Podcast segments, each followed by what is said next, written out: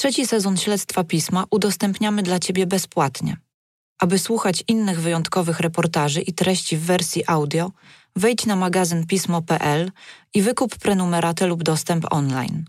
Nasze archiwum liczy ponad 400 godzin i co miesiąc powiększa się o kolejne materiały.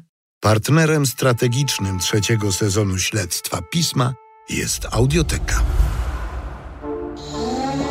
Wątpliwe terapie, niezgodność płci, molestowanie seksualne, mobbing, wykorzystywanie dzieci, głośne sprawy kryminalne, tajemnice seksuologicznych gabinetów, granice etyki i solidarności zawodowej, nasza seksualność i on, wybitny specjalista, autorytet polskiej seksuologii, dobry czy zły doktor. Nazywam się Iga Dzieciuchowicz, a to jest Śledztwo Pisma. Reporterska historia opowiadana tydzień po tygodniu. Odcinek pierwszy. Profesor z wibratorem. Od lat zajmuję się sprawami, które dotyczą nadużyć na tle seksualnym, przemocy wobec kobiet, mobbingu i wykorzystywania uprzywilejowanej pozycji. W 2019 roku trafiły do mnie akta kilku bardzo trudnych spraw. Dotyczyły molestowania seksualnego dzieci przez ojców. Matki, które się do mnie zgłosiły, twierdziły, że sąd nie dał wiary ich zeznaniom i nie uwzględnił przedstawionych przez nie dowodów. Mówiły, że ich córki są wciąż narażone na kontakt z rodzicami, którzy je krzywdzą. Zwróciłam uwagę, że we wszystkich opiniach biegłych przewija się to samo nazwisko. Zaskoczyło mnie, że ten sam seksuolog opiniuje w czterech podobnych sprawach z różnych stron Polski. To przypadek? Oliwy do ognia dolała informacja, że biegły został kilka lat temu skompromitowany przez swoje byłe pacjentki, które oskarżyły go o molestowanie. Skandal nagłośniła telewizja. Jak to możliwe, że mając taki zarzut na koncie, wciąż opiniował w sprawach o przestępstwa na tle seksualnym? I to tych najtrudniejszych, bo dotyczących dzieci. A może seksuolog został niesłusznie oskarżony, padł ofiarą medialnego linczu? Czy udowodniono mu winę? Czy rzeczywiście dopuścił się nadużyć? Szybko okazało się, że odpowiedź na te pytania wcale nie będzie taka prosta. Od kilku osób usłyszałam, że trudno mi będzie namówić kogoś na szczerą rozmowę. Twierdziły, że doktor jest wpływowym człowiekiem, a w środowisku seksuologów, które jest małe i wszyscy się znają, nikt nie chce mu się narazić. A tak w ogóle to nie ma sensu wracać do zarzutów sprzed lat. Przecież zostały wyjaśnione. Mimo wszystko postanowiłam to sprawdzić. Ruszyłam śladem doktora Wiesława. Z każdą rozmową, z kolejnym nowym świadkiem i dokumentami, do których docierałam, sprawa stawała się coraz bardziej niejednoznaczna. Przez wiele miesięcy rozmawiałam z jego byłymi pacjentami, studentami, koleżankami i kolegami po fachu, by odpowiedzieć na pytanie, czy jest to historia o dobrym czy złym doktorze. Jeden problem seksuologiczny prowadził mnie do następnego. Od oziębłości do zarzutów o molestowanie. Od związków sadomasochistycznych po tematy tak złożone jak niezgodność płci jakbym przemierzała mapę naszych bolączek z seksualnością w tle, tych najczęstszych i tych najbardziej drastycznych. Ale po kolei.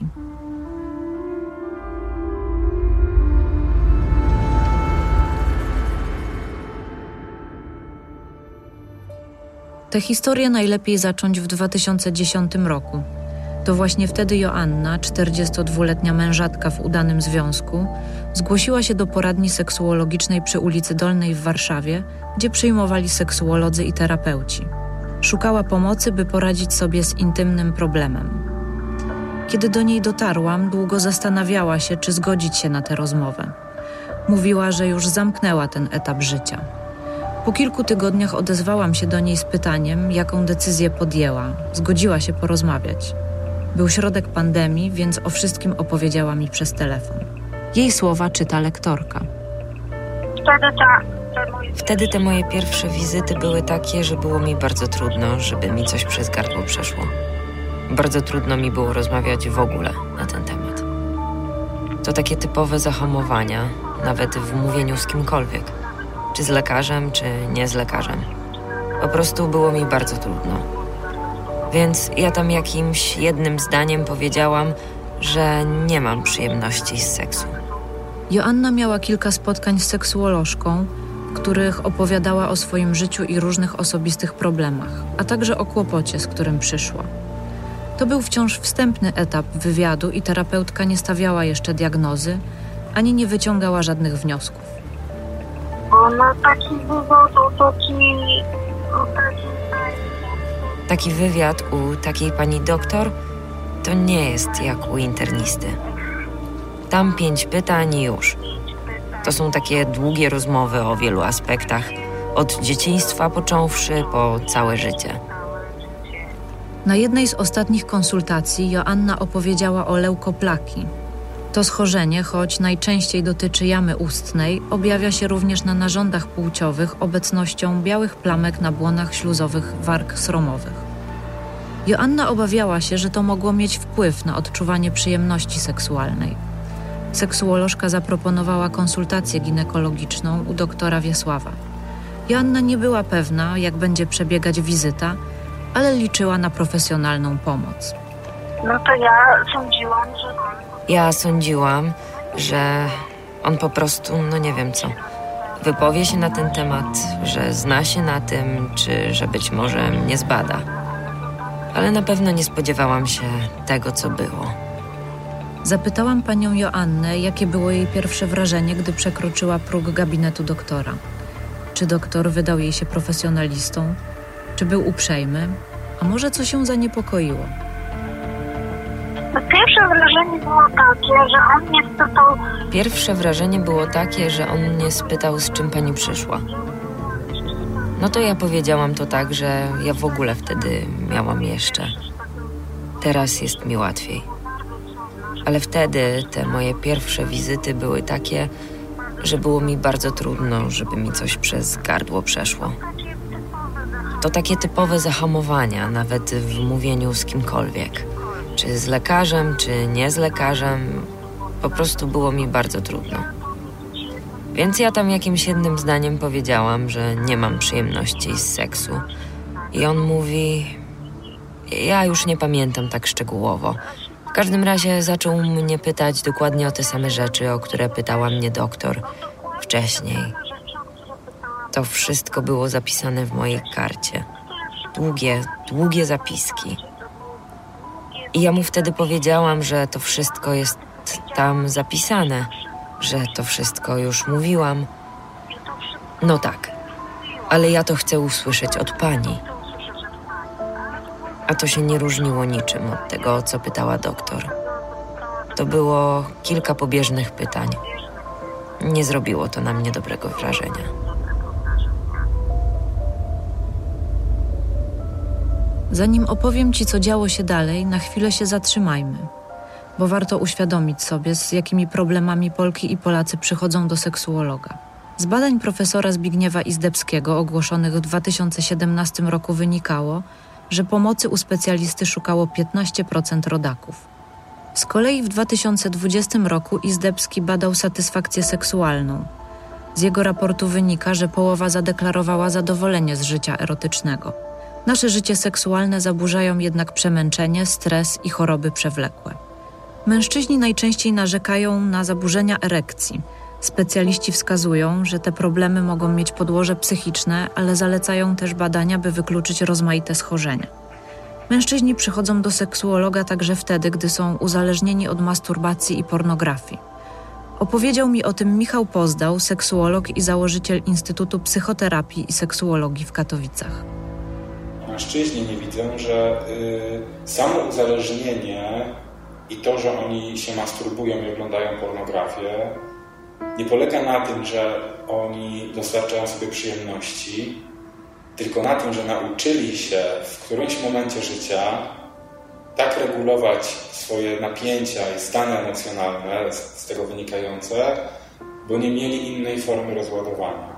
Celem tutaj będzie nie tyle rezygnacja, nie tyle pozbycie się nałogu, ale umiejętność regulacji swoich emocji.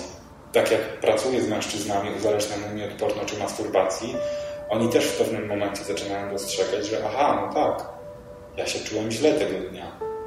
Takie od rana miałem sobie napięcie, powiedziałem, że będę miał taką i taką rozmowę. Ja się czułem źle, bo moja partnerka znowu zrobiła to i to, albo mieliśmy kłótnię, albo znowu się okazało, że in vitro nam nie wyszło, tak? A, to dlatego ja się 12 godzin tak? Ja mam sobie tyle napięcia. Pomocy u seksuologów szukają też kobiety. Z raportu Izdebskiego z 2017 roku wynika, że najczęstszymi problemami są niskie libido lub całkowity brak ochoty na seks, bóle podczas stosunku, a także brak orgazmu. W trakcie konsultacji seksuolog zleca badanie ginekologiczne czy testy hormonalne. Jeśli podłoże problemów nie jest organiczne, zalecana jest psychoterapia. Tak o diagnozowaniu problemów kobiet opowiada seksuolożka Agata Lewe.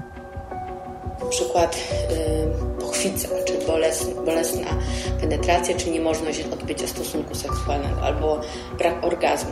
Że dopóki nie sprawdzimy tych wszystkich yy, społecznych oddziaływań, na przykład że to, że jesteśmy w związku przemocowym, albo że jesteśmy osobami, które od lat całe, całe młode życie słyszały, że seks jest brudny i zły, a nagle mają czerpać z niego przyjemność i mieć, nie wiem, ejakulować i mieć multiorgazmy, bo tak jest napisane w kobiecach, kobiecych pismach. Więc tutaj sprawdzamy, na ile właśnie mamy konflikt wewnętrzny związany z jakimiś zupełnie odrębnymi, jakby sprzecznymi komunikatami. Bardzo często problemy leżą w poczuciu przymusu czy obowiązku związanego z zachowaniami seksualnymi. Pracuję z osobami, które y, pozwalają, żeby ich granice były przekraczane. Nie tyle pozwalają, co mają poczucie, że nie mają wyboru.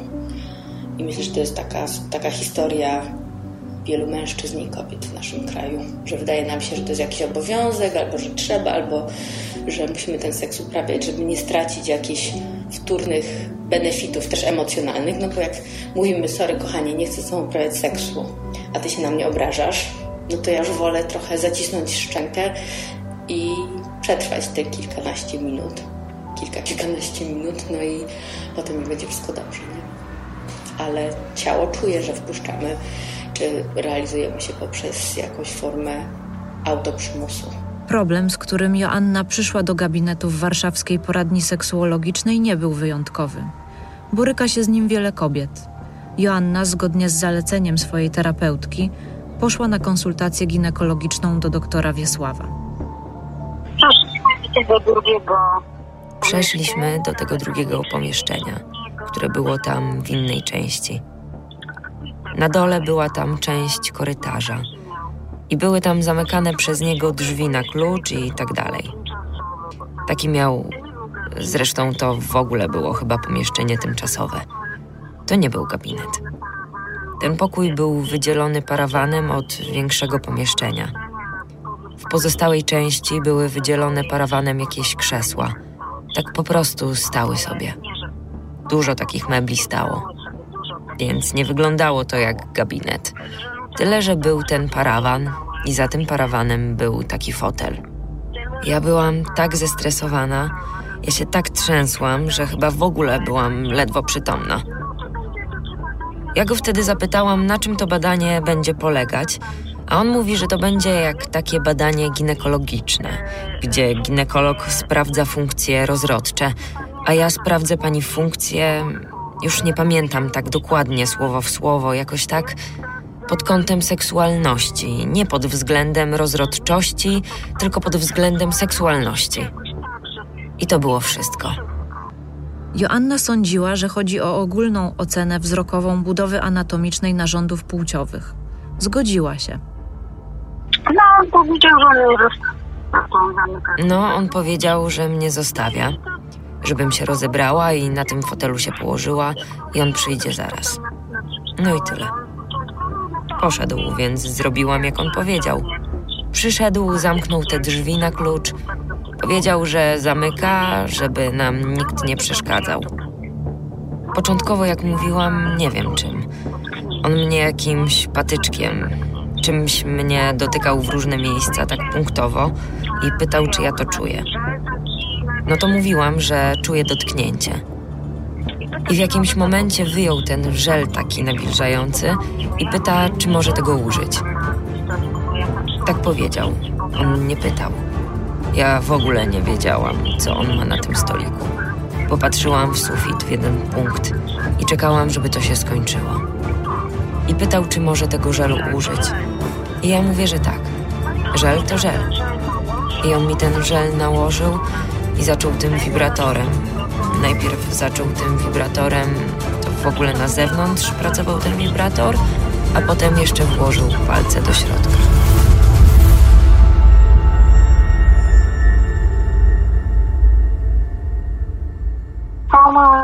Całe moje skupienie polegało na tym, żeby się odciąć od tego, co się tam dzieje. Znowu mnie tam jeździł tym wibratorem i tymi paluchami w środku wiercił. Nie umiem powiedzieć ile czasu. Na pewno nie umiem powiedzieć, bo na zegarek nie patrzyłam. To mogło być 15 minut, mogło być 5 minut, może minuta. Nie umiem tego powiedzieć. Dla mnie to było długo.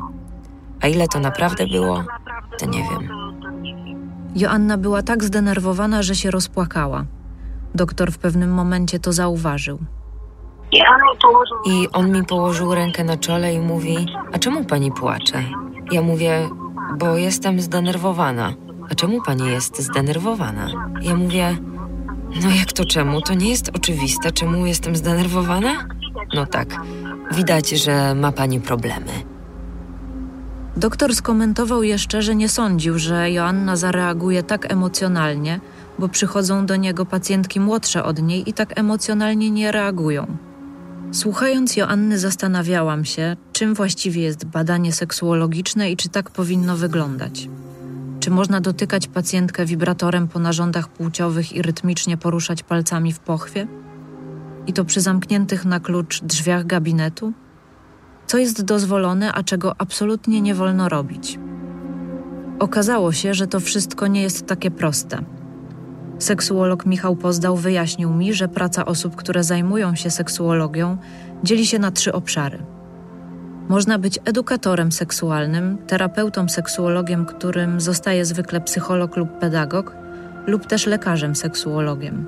Lekarz, który jest e, po specjalizacji seksuologicznej, e, tak jak w ogóle lekarz e, patrzy na daną osobę pod kątem medycznym, czy wszystko jest ok z jej zdrowiem, czy objaw seksuologiczny, który u niej występuje, na przykład załóżmy zaburzenia erekcji, może być związany z jakimiś chorobami, które współwystępują u danej osoby.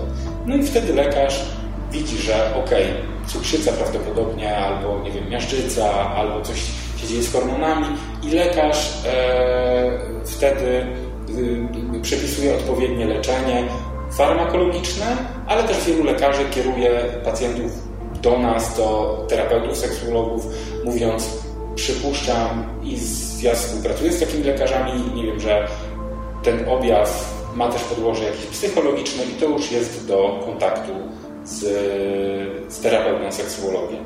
Lekarz psychiatra, seksuolog, czy lekarz endokrynolog, seksuolog, czy urolog, seksuolog, czy ginekolog, seksuolog, to są lekarze, którzy e, tak jak mówię, badają, czy wszystko jest ok ze zdrowiem danego pacjenta i przepisują najczęściej farmakologię, bądź też e, jakieś inne sposoby leczenia, czy, czy też zabiegi na przykład, tak, różnego rodzaju. Są też oczywiście tacy lekarze, którzy są zarówno lekarzami, jak i terapeutami. I oni mogą prowadzić też psychoterapię. Wiele zależy więc od tego, czy pacjent ma do czynienia z terapeutą seksuologiem, czy lekarzem seksuologiem, bo to duża różnica. Lekarz może wykonać badanie fizykalne, z kolei terapeuta seksuolog nie powinien dotykać pacjenta. O tym, jak powinna wyglądać konsultacja u terapeuty, opowiada Agata Lewe. Mamy sytuację, w której przychodzimy do kogoś, komu chcemy zaufać i y, jako, że seksualność jest tematem tabu i na przykład ktoś przekracza nasze granice w gabinecie seksuologicznym, no to nie będziemy mieć pewności, czy to jest rzeczywiście procedura medyczna, czy to jest ok, czy nie ok.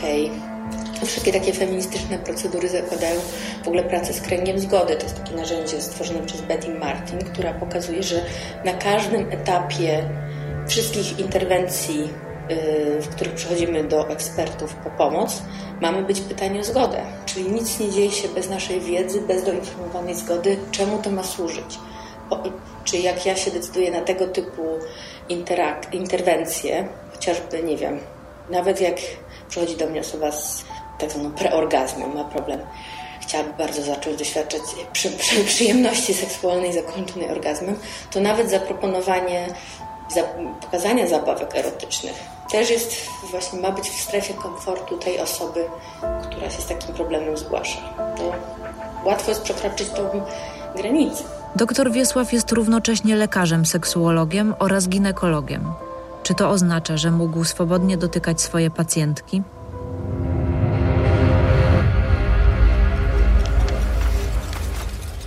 Kontrowersje wokół przebiegu badania seksuologicznego nie pojawiły się w mediach po raz pierwszy.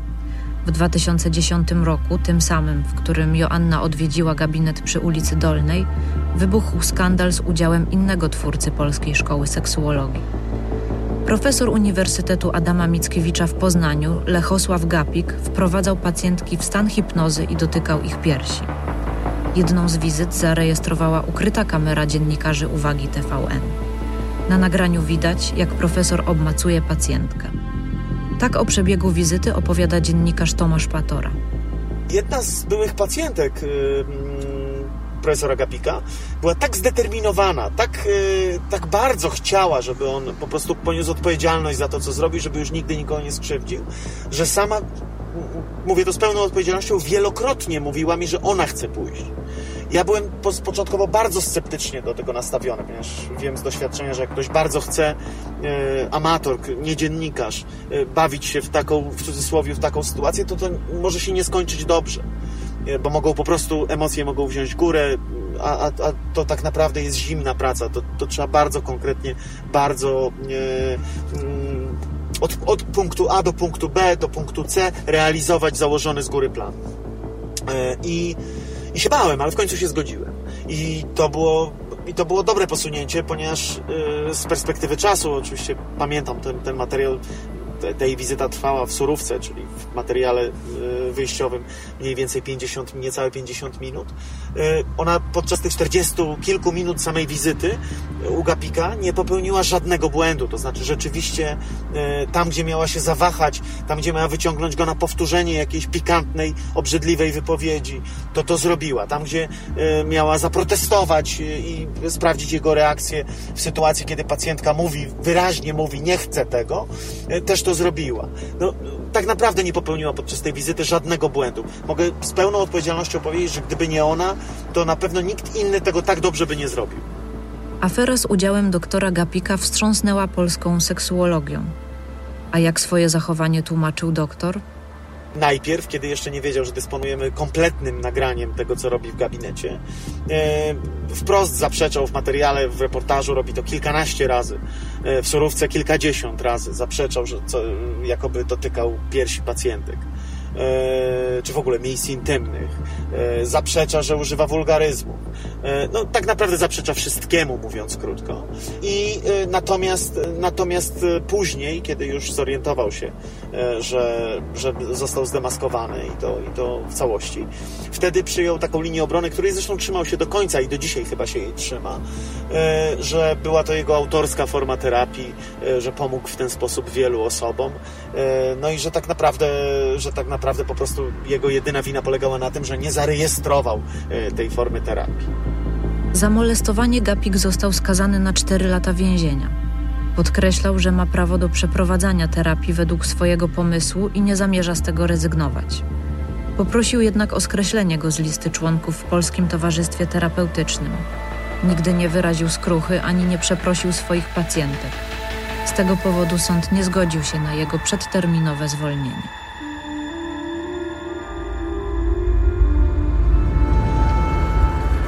A sprawa doktora Wiesława? Po badaniu Joanna czuła się skrzywdzona jego zachowaniem, a wspomnienie wizyty było dla niej traumatyczne. Nie wiedziała, czy takie metody pracy są dozwolone, czuła jednak, że doszło do nadużyć. Próbowała znaleźć informacje na ten temat. Trafiłam na jakiegoś takiego... Trafiłam na jakiegoś takiego, już nie przypomnę sobie w tej chwili, jakiegoś seksuologa, który jakieś artykuły publikował i trafiło do mnie, co pisał. Pisał o takiej właśnie empatii. Mm, jak to się nazywa? O takiej etyce zawodowej, o takich rzeczach, o takich rzeczach i to mnie u niego pozytywnie nastawiło. i ja napisałam do niego maila. Po prostu znalazłam jego maila gdzieś w necie i spytałam, czy istnieje w ogóle takie badanie. Czy coś takiego istnieje? Czy on może powiedzieć, czy coś takiego w ogóle się robi? I pamiętam, on mi odpisał dość szybko, że owszem, istnieje coś takiego jak badanie wibratorem. Natomiast absolutnie jest to niemożliwe, żeby to zrobić z zaskoczenia, bez zgody czy jakoś tak. Napisał, że on sam tego nie robi, ale no, że istnieje coś takiego. Na co ja mówię, że no może istnieje, ale czy aby na pewno tak? W końcu na jednym z portali kobiecych Joanna zamieściła post, w którym opisała wizytę. Na koniec zapytała: Czy ja jestem histeryczką, czy ten lekarz zrobił coś, czego robić nie wolno? Odnalazłam ten post w archiwum. Internautki odpowiadały Joannie, że ich zdaniem takie metody są niedopuszczalne, a ona sama powinna to zgłosić w sądzie. Swój post zamieściła też pewna psycholożka. Napisała, że żadne badania nie powinny być podejmowane z zaskoczenia czy bez zgody i że Joanna ma prawo zgłosić złamanie kodeksu etycznego oraz bronić swoich praw jako pacjentki. Dodała też, że wibrator nie jest standardowym narzędziem diagnostycznym i nie należy do regularnego wyposażenia żadnej placówki medycznej. Na koniec zaproponowała pomoc i obiecała, że skonsultuje tę sprawę z Polskim Towarzystwem Seksuologicznym. Pani psycholog powiedziała, że nigdy się z czymś takim nie spotkała, mimo że jest seksuologiem i że to było wykorzystanie na pewno.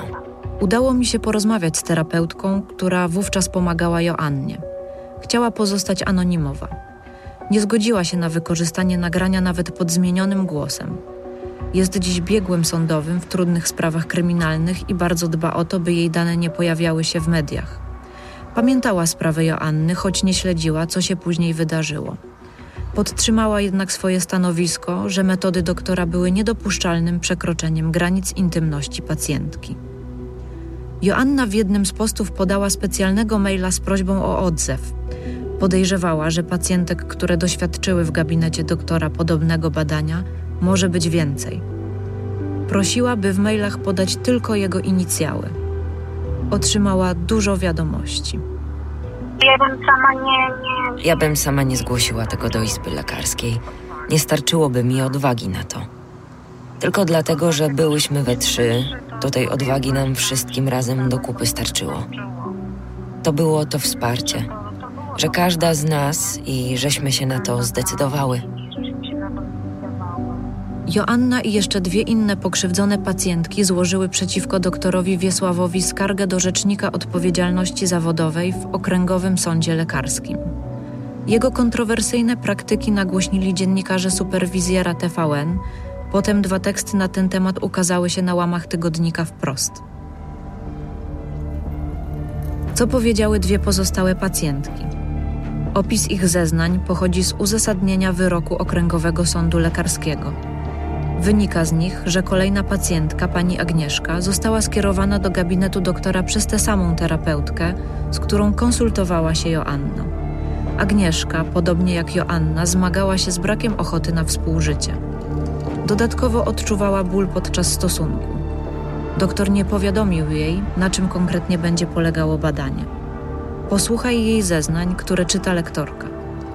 Uprzedził, że będzie ją dotykał, z tym, że powiedział to dopiero, gdy była już na fotelu. Pokrzywdzona dokładnie nie pamięta, ale mówił, że będzie dotykał ją po ściankach pochwy i by mówiła, czy czuje ból, czy w ogóle coś czuje. Lekarz przystąpił do badania przedmiotowego, a ona odpowiadała, czy czuje, czy nie czuje. Pamięta, że w trakcie tego włożył palce do pochwy, a potem nagle dotknął ją wibratorem. Na pytanie, czy lekarz pytał o zgodę na badanie wibratorem, odpowiada, że nie. Trzecia pacjentka, Małgorzata, zgłosiła się do poradni przy ulicy Dolnej wraz z partnerem. Odczuwała lęk i paraliż w trakcie zbliżeń seksualnych. Trafiła do seksuolożki, która powiedziała, że dopiero na piątej wizycie będą przeprowadzone badania, testy psychologiczne i seksuologiczne. Na badanie narządów płciowych skierowała ją do doktora Wiesława.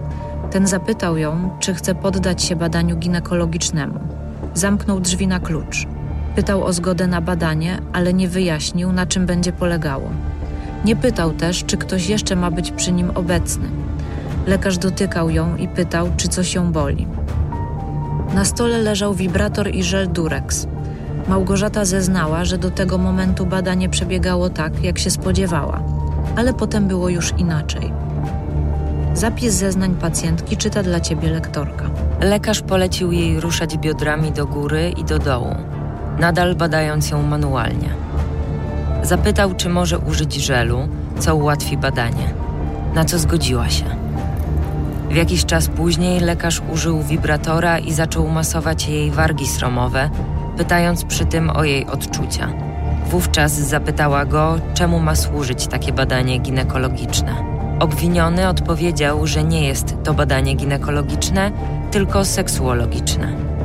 Kontynuował czynności. Ona nadal miała poruszać biodrami, a on wkładał wibrator do pochwy. Powiedział też, żeby podniosła bluzkę do góry, bo on chce widzieć jej pępek. Polecił, żeby zamknęła oczy. Potem zaczął coraz szybciej i w rytm jej bioder coraz mocniej tym wibratorem walić. W pewnym momencie powiedziała, że chce przerwać badanie, bo ma już dosyć. Doktor zapytał dlaczego i dodał, że jak badanie przerwie, to trzeba je będzie dokończyć w innym terminie. Chwilę jeszcze kontynuował, aż Małgorzata powiedziała, że dłużej nie wytrzyma. Na zakończenie doktor Wiesław powiedział, żeby kupiła wibrator i to samo praktykowała w domu z chłopakiem. Potem dodał, że może też przyjść z partnerem do gabinetu i robić to samo przy nim. Gdy czytałam zeznania pacjentek, byłam wstrząśnięta. Doktor trafił przed sąd lekarski. Jak tłumaczył swoje zachowanie? Wyjaśnienia doktora czyta dla ciebie lektor. Wibrator stosuje w swojej praktyce od co najmniej 25 lat. W takich dysfunkcjach seksualnych jak pochwica, dyspareunia i zaburzenia popędu. Użycie wibratora w praktyce seksuologicznej jest to jedna z metod, metoda z wyboru. Po raz pierwszy opisana przez Mastersa i Johnson w 1970 roku. Stosując ten instrument w leczeniu, bierze na jego użycie poinformowaną zgodę w formie pisemnej. Postępuje tak od 2007 roku. Ale jeśli chodzi o postawienie diagnozy z użyciem wibratora, to doktor przyznał, że o zgodę pisemną zaczął pytać dopiero po tym, jak pacjentki złożyły skargę. Wyjaśnił też, że opisał, na czym będzie polegało badanie i uzyskał na nie zgodę ustną. Przyznał, że o użyciu wibratora powiedział pacjentkom dopiero wtedy, gdy były na fotelu. Drzwi od gabinetu zamykał na klucz, ponieważ pacjenci z oddziału dziennego po prostu wchodzili do pomieszczenia po leki. Jednak nie robił tego, gdy pacjentka wyraziła życzenie, by przy badaniu była obecna pielęgniarka. Wtedy ona pilnowała drzwi. Twierdził, że o możliwości asysty pielęgniarki informował każdą pacjentkę i że w żaden sposób nie komentował wyglądu ani zachowania pacjentek. Myśmy były pojedynczo przesłuchiwane. I nikt nam nie powiedział, że mogłyśmy być obecne w trakcie przesłuchania doktora. To byłam zła. To się po prostu dopiero dowiedziałam, tego właśnie na tej konsultacji, że według prawa to myśmy mogły uczestniczyć i zadawać mu również pytania. A nikt nam tego nie powiedział. I w sumie nie wiemy, co ten doktor tam mówił. Joanna wspomniała też o dwóch opiniach biegłych przedstawionych przed sądem lekarskim. Wzajemnie się wykluczały. Jeden biegły uznał metody pracy doktora za dopuszczalne. Drugim był profesor Zbigniew Lew-Starowicz, konsultant krajowy w dziedzinie seksuologii. Wskazał wyraźnie, że używanie wibratora podczas wizyty tu i teraz nie jest wskazane. Posłuchaj, co profesor Lew-Starowicz mówi po latach. Jednoznacznie stwierdziłem, że lekarz nie może stosować w badaniu seksuologicznym żadnych stymulatorów, wibratorów i tym podobnych narzędzi. Lekarz tylko może zachęcić pacjentkę, żeby to sobie stosowała w domu. I jak ona będzie miała wizytę kontrolną, to powie, co czuła, co, co się działo i tak dalej, i wtedy lekarz może jej udzielić instrukcji. I tu w ogóle nie ma żadnej dyskusji. Lekarz nie może w gabinecie seksuologicznym stosować tego typu metod. Po prostu. I to było stanowisko opublikowane, one jest dostępne wszystkim seksuologom, y, kandydatom na seksuologię to jest wykładane i to już jest stanowisko jednoznaczne. Profesora nie było na rozprawie, ale mówił, że potem uważnie przeczytał uzasadnienie wyroku sądu lekarskiego. Szkoda, że nie było, Szkoda, że nie było pana Starowicza. Ale on jakoś się wypowiedział tylko z daleka. Według mnie zajął i tak najlepsze stanowisko ze wszystkich. Chociaż ostatecznie w tym całym ich towarzystwie to chyba nie było odważnego, który by jakoś postawił sprawę jasno, że to jest zachowanie nieprofesjonalne, niegodne, nieetyczne i tak. Wszyscy nabrali wody w usta i udali, że się nic nie stało. Okręgowy Sąd Lekarski potwierdził, że doktor wykonał badanie ginekologiczne i nazwał je seksuologicznym, a polegało ono na stymulacji narządów płciowych wibratorem i metodą manualną. Użycie wibratora uznał za dozwolone, ale warunkiem do jego zastosowania jest uzyskanie świadomej zgody pacjentki. Sąd uznał go winnym tego, że nie poinformował pacjentek o sposobie badania i nie uzyskał na nie zgody, czym naruszył ich intymność i godność a także naraził je na długotrwały stres psychiczny. Otrzymał upomnienie. Ale jeszcze powiem pani, Jeszcze powiem pani, że jak byłam w izbie lekarskiej, jak byłam przesłuchiwana przez panią rzecznik odpowiedzialności zawodowej, to ona również była zszokowana. Ona była ginekologiem zwykłym, pani ginekolog. I ona była strasznie zszokowana. Ona była bardzo po naszej stronie. Ona występowała jako, że tak powiem, prokurator w takiej funkcji. Potem w tym sądzie występowała, czyli takiego oskarżyciela. Ona też podważyła ten pierwszy wyrok, bo ten pierwszy wyrok był tą karą upomnienia, rażąco niski. Nie dość, że myśmy się odwoływały, to ona też się odwołała, że ten wyrok jest za niski. To jest po prostu niepojęte, żeby taką śmieszną karę za coś takiego dostać. Joanna złożyła odwołanie do Naczelnego Sądu Lekarskiego, które uznało karę okręgowego za niedostateczną. no i... No i w sumie przecież też wyrok został podwyższony do nagany, że to nadal nie jest nic. Nagana to jest jeden stopień więcej niż upomnienie.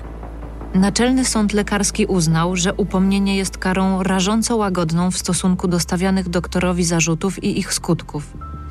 A pacjentki, przygotowane jedynie na badanie ginekologiczne, mogły poczuć się molestowane seksualnie.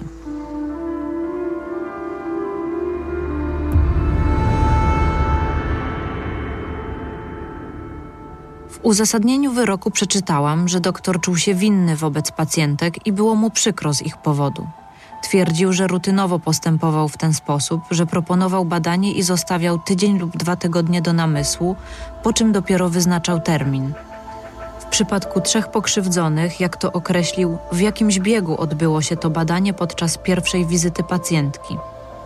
I sądził, że głównie z tego powodu odebrały je jako coś traumatycznego. Zastanawiałam się, kim jest doktor Wiesław. Czy faktycznie nie chciał skrzywdzić pacjentek i przez niefrasobliwość naraził je na traumatyczne doświadczenia? Zgubiła go rutyna? Czy rzeczywiście przytrafiło mu się to tylko w tych kilku przypadkach? Przed sądem lekarskim wystąpiły trzy kobiety, ale przecież na internetowy apel Joanny odpowiedziało kilkanaście. A może był świadom tego, że przekracza granice intymności pacjentek?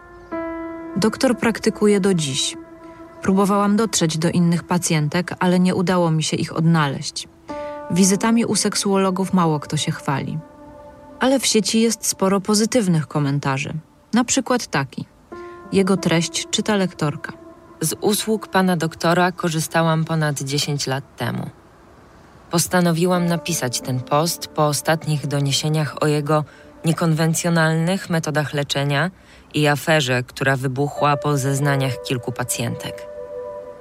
Do doktora trafiłam po długich poszukiwaniach lekarza w Polsce, który pomógłby mi poradzić sobie z pochwicą, metodą inną niż rozmowy na kozetce.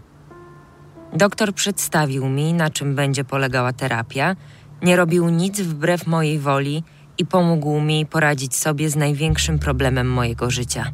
Do tej pory zawdzięczam mu satysfakcjonujące życie seksualne.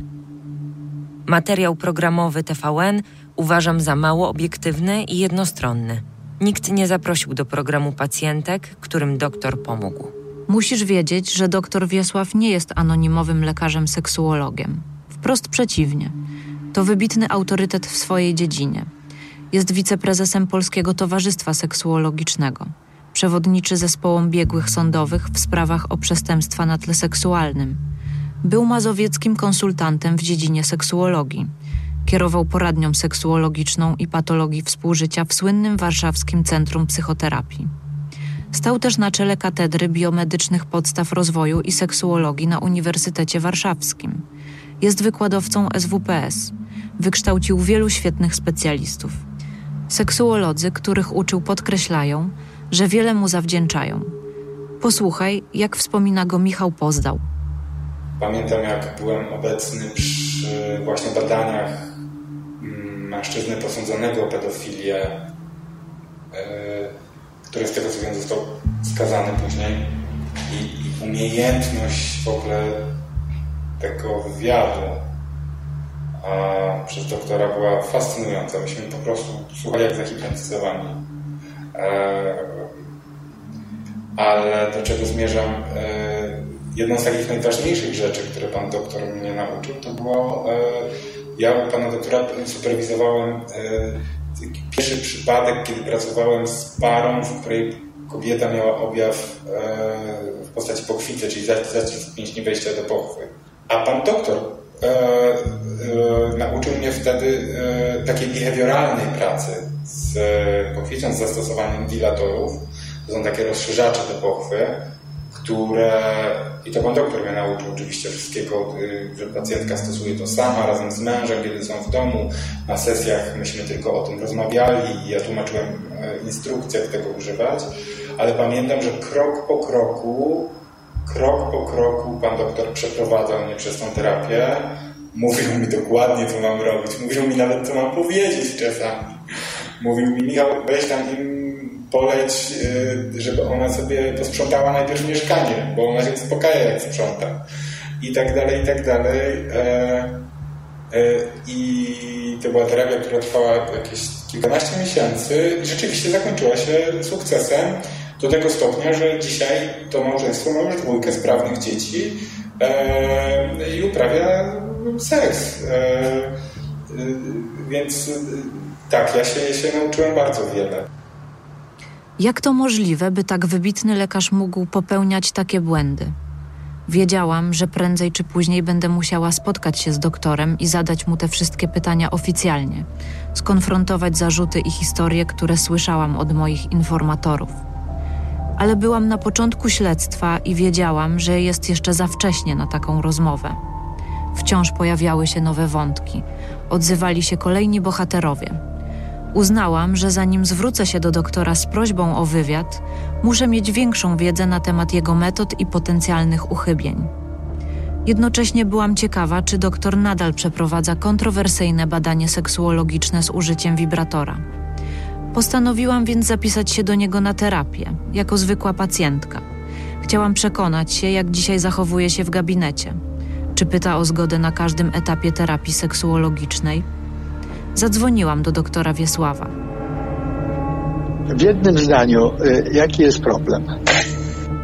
E, no, e, e, w skrócie to mm, brak chęci na życie seksualne i satysfakcji z tego życia seksualnego. W jakim pani jest wieku? 30, 36 lat. To młoda osoba. Doktor postawił hipotezę, że mój problem na liście chorób ma numer F520, czyli brak ochoty na seks. Doktor poprosił o skierowanie od lekarza rodzinnego. I jeszcze o jedno. No tak, ale y, jak ja będę chciał panią zobaczyć na fotelu, to e, pod kątem seksuologicznym, nie ginekologicznym, bo mhm. rozumiem, że tam ginekologa swojego pani e, jest i, i, i prowadzi. Żadnych lęków na jakieś poważniejsze choroby somatyczne nie choruje pani? Nie. Nie bierze pani leków na stałe? Nie, nie biorę. A, ani też antykoncepcyjnych nie biorę. E, a jeszcze takie pytanie, to badanie pod kątem seksuologicznym, ono różni się, rozumiem, od takiego zwykłego. E, no tak, proszę pani, różni się, ale nie przesądzajmy. Ja tylko zakładam, bo nawet pani nie widzę i w ogóle no, trudno w tej chwili, także, także spokojnie. No. Ale nie jest to sensu stricto badanie ginekologiczne, gdzie tam sprawdzamy, czy nie ma nadżerki, czy coś tam innego. Rozumiem. Czy tam guzów, tylko to jest pod kątem e, seksuologicznym. Proszę Pani. E, Ale przygotować się muszę tak jak do ginekologicznego. Ta, dokładnie tak, po prostu. Potrzebowałam już tylko skierowania. Ale zanim dotarłam do gabinetu doktora Wiesława, spotkałam Oskara, jednego z jego byłych pacjentów. I chyba nigdy nie zapomnę nic, nic mi się nie zatrze w związku z tymi wydarzeniami. Ja pamiętam, że do niego poszedłem z mamą i najpierw weszliśmy we dwójkę do gabinetu i był bardzo grzeczny. E, tam bardzo oględnie coś tam mamie tłumaczył, na czym to polega. Bardzo, bardzo oględnie. E, po czym e, to, to, rozmowa trwała może 10-15 minut, po czym ją wyprosił i zostałem z nim sam na sam. No i tam no nie byłem się, tak? A on do mnie powiedział, e, patrząc mi prosto w twarz, moim zdaniem ty nie jesteś transem, ty po prostu jesteś zakompleksioną, zagubioną, brzydką, grubą lesbijką, która stwierdziła, że łatwiej jej będzie jako facetowi niż jako nieatrakcyjnej kobiecie. Jak na to zareagowałeś? Ciało mnie. Ja miałem 15 lat, ja byłem dzieckiem. Ja po prostu, nie wiem, po prostu siedziałem się gapiłem. O tym, z czym Oskar przyszedł do gabinetu, o jego przejmującej historii i o innej, równie kontrowersyjnej terapii prowadzonej przez doktora Wiesława, opowiem Ci w drugim odcinku Śledztwa Pisma, za tydzień. Śledztwo Pisma, pierwszy polski reporterski serial podcastowy, wyprodukowała Fundacja Pismo, wydawca miesięcznika Pismo, magazyn opinii i kanału Pismo do Słuchania. Partnerem strategicznym trzeciego sezonu serialu jest Audioteka. Trzeci sezon prowadzi Iga Dzieciuchowicz. Producentami są Piotr Nesterowicz i Barbara Sowa. Koordynacja projektu Mateusz Ressler. Weryfikacja faktów Marcin Czajkowski. Grafika Dorota Piechocińska. Nagrania rozmówców wstępnie opracował Stanisław Dec. Muzyka Wojtek Wierzba oraz zasoby biblioteki Audio Network. Lektorzy Agata Turkot i Miłogo Stereczek. Realizacja dźwięku Maciej Zych i Wojciech Pątkiewicz. Nagrań dokonano w studiu Osorno.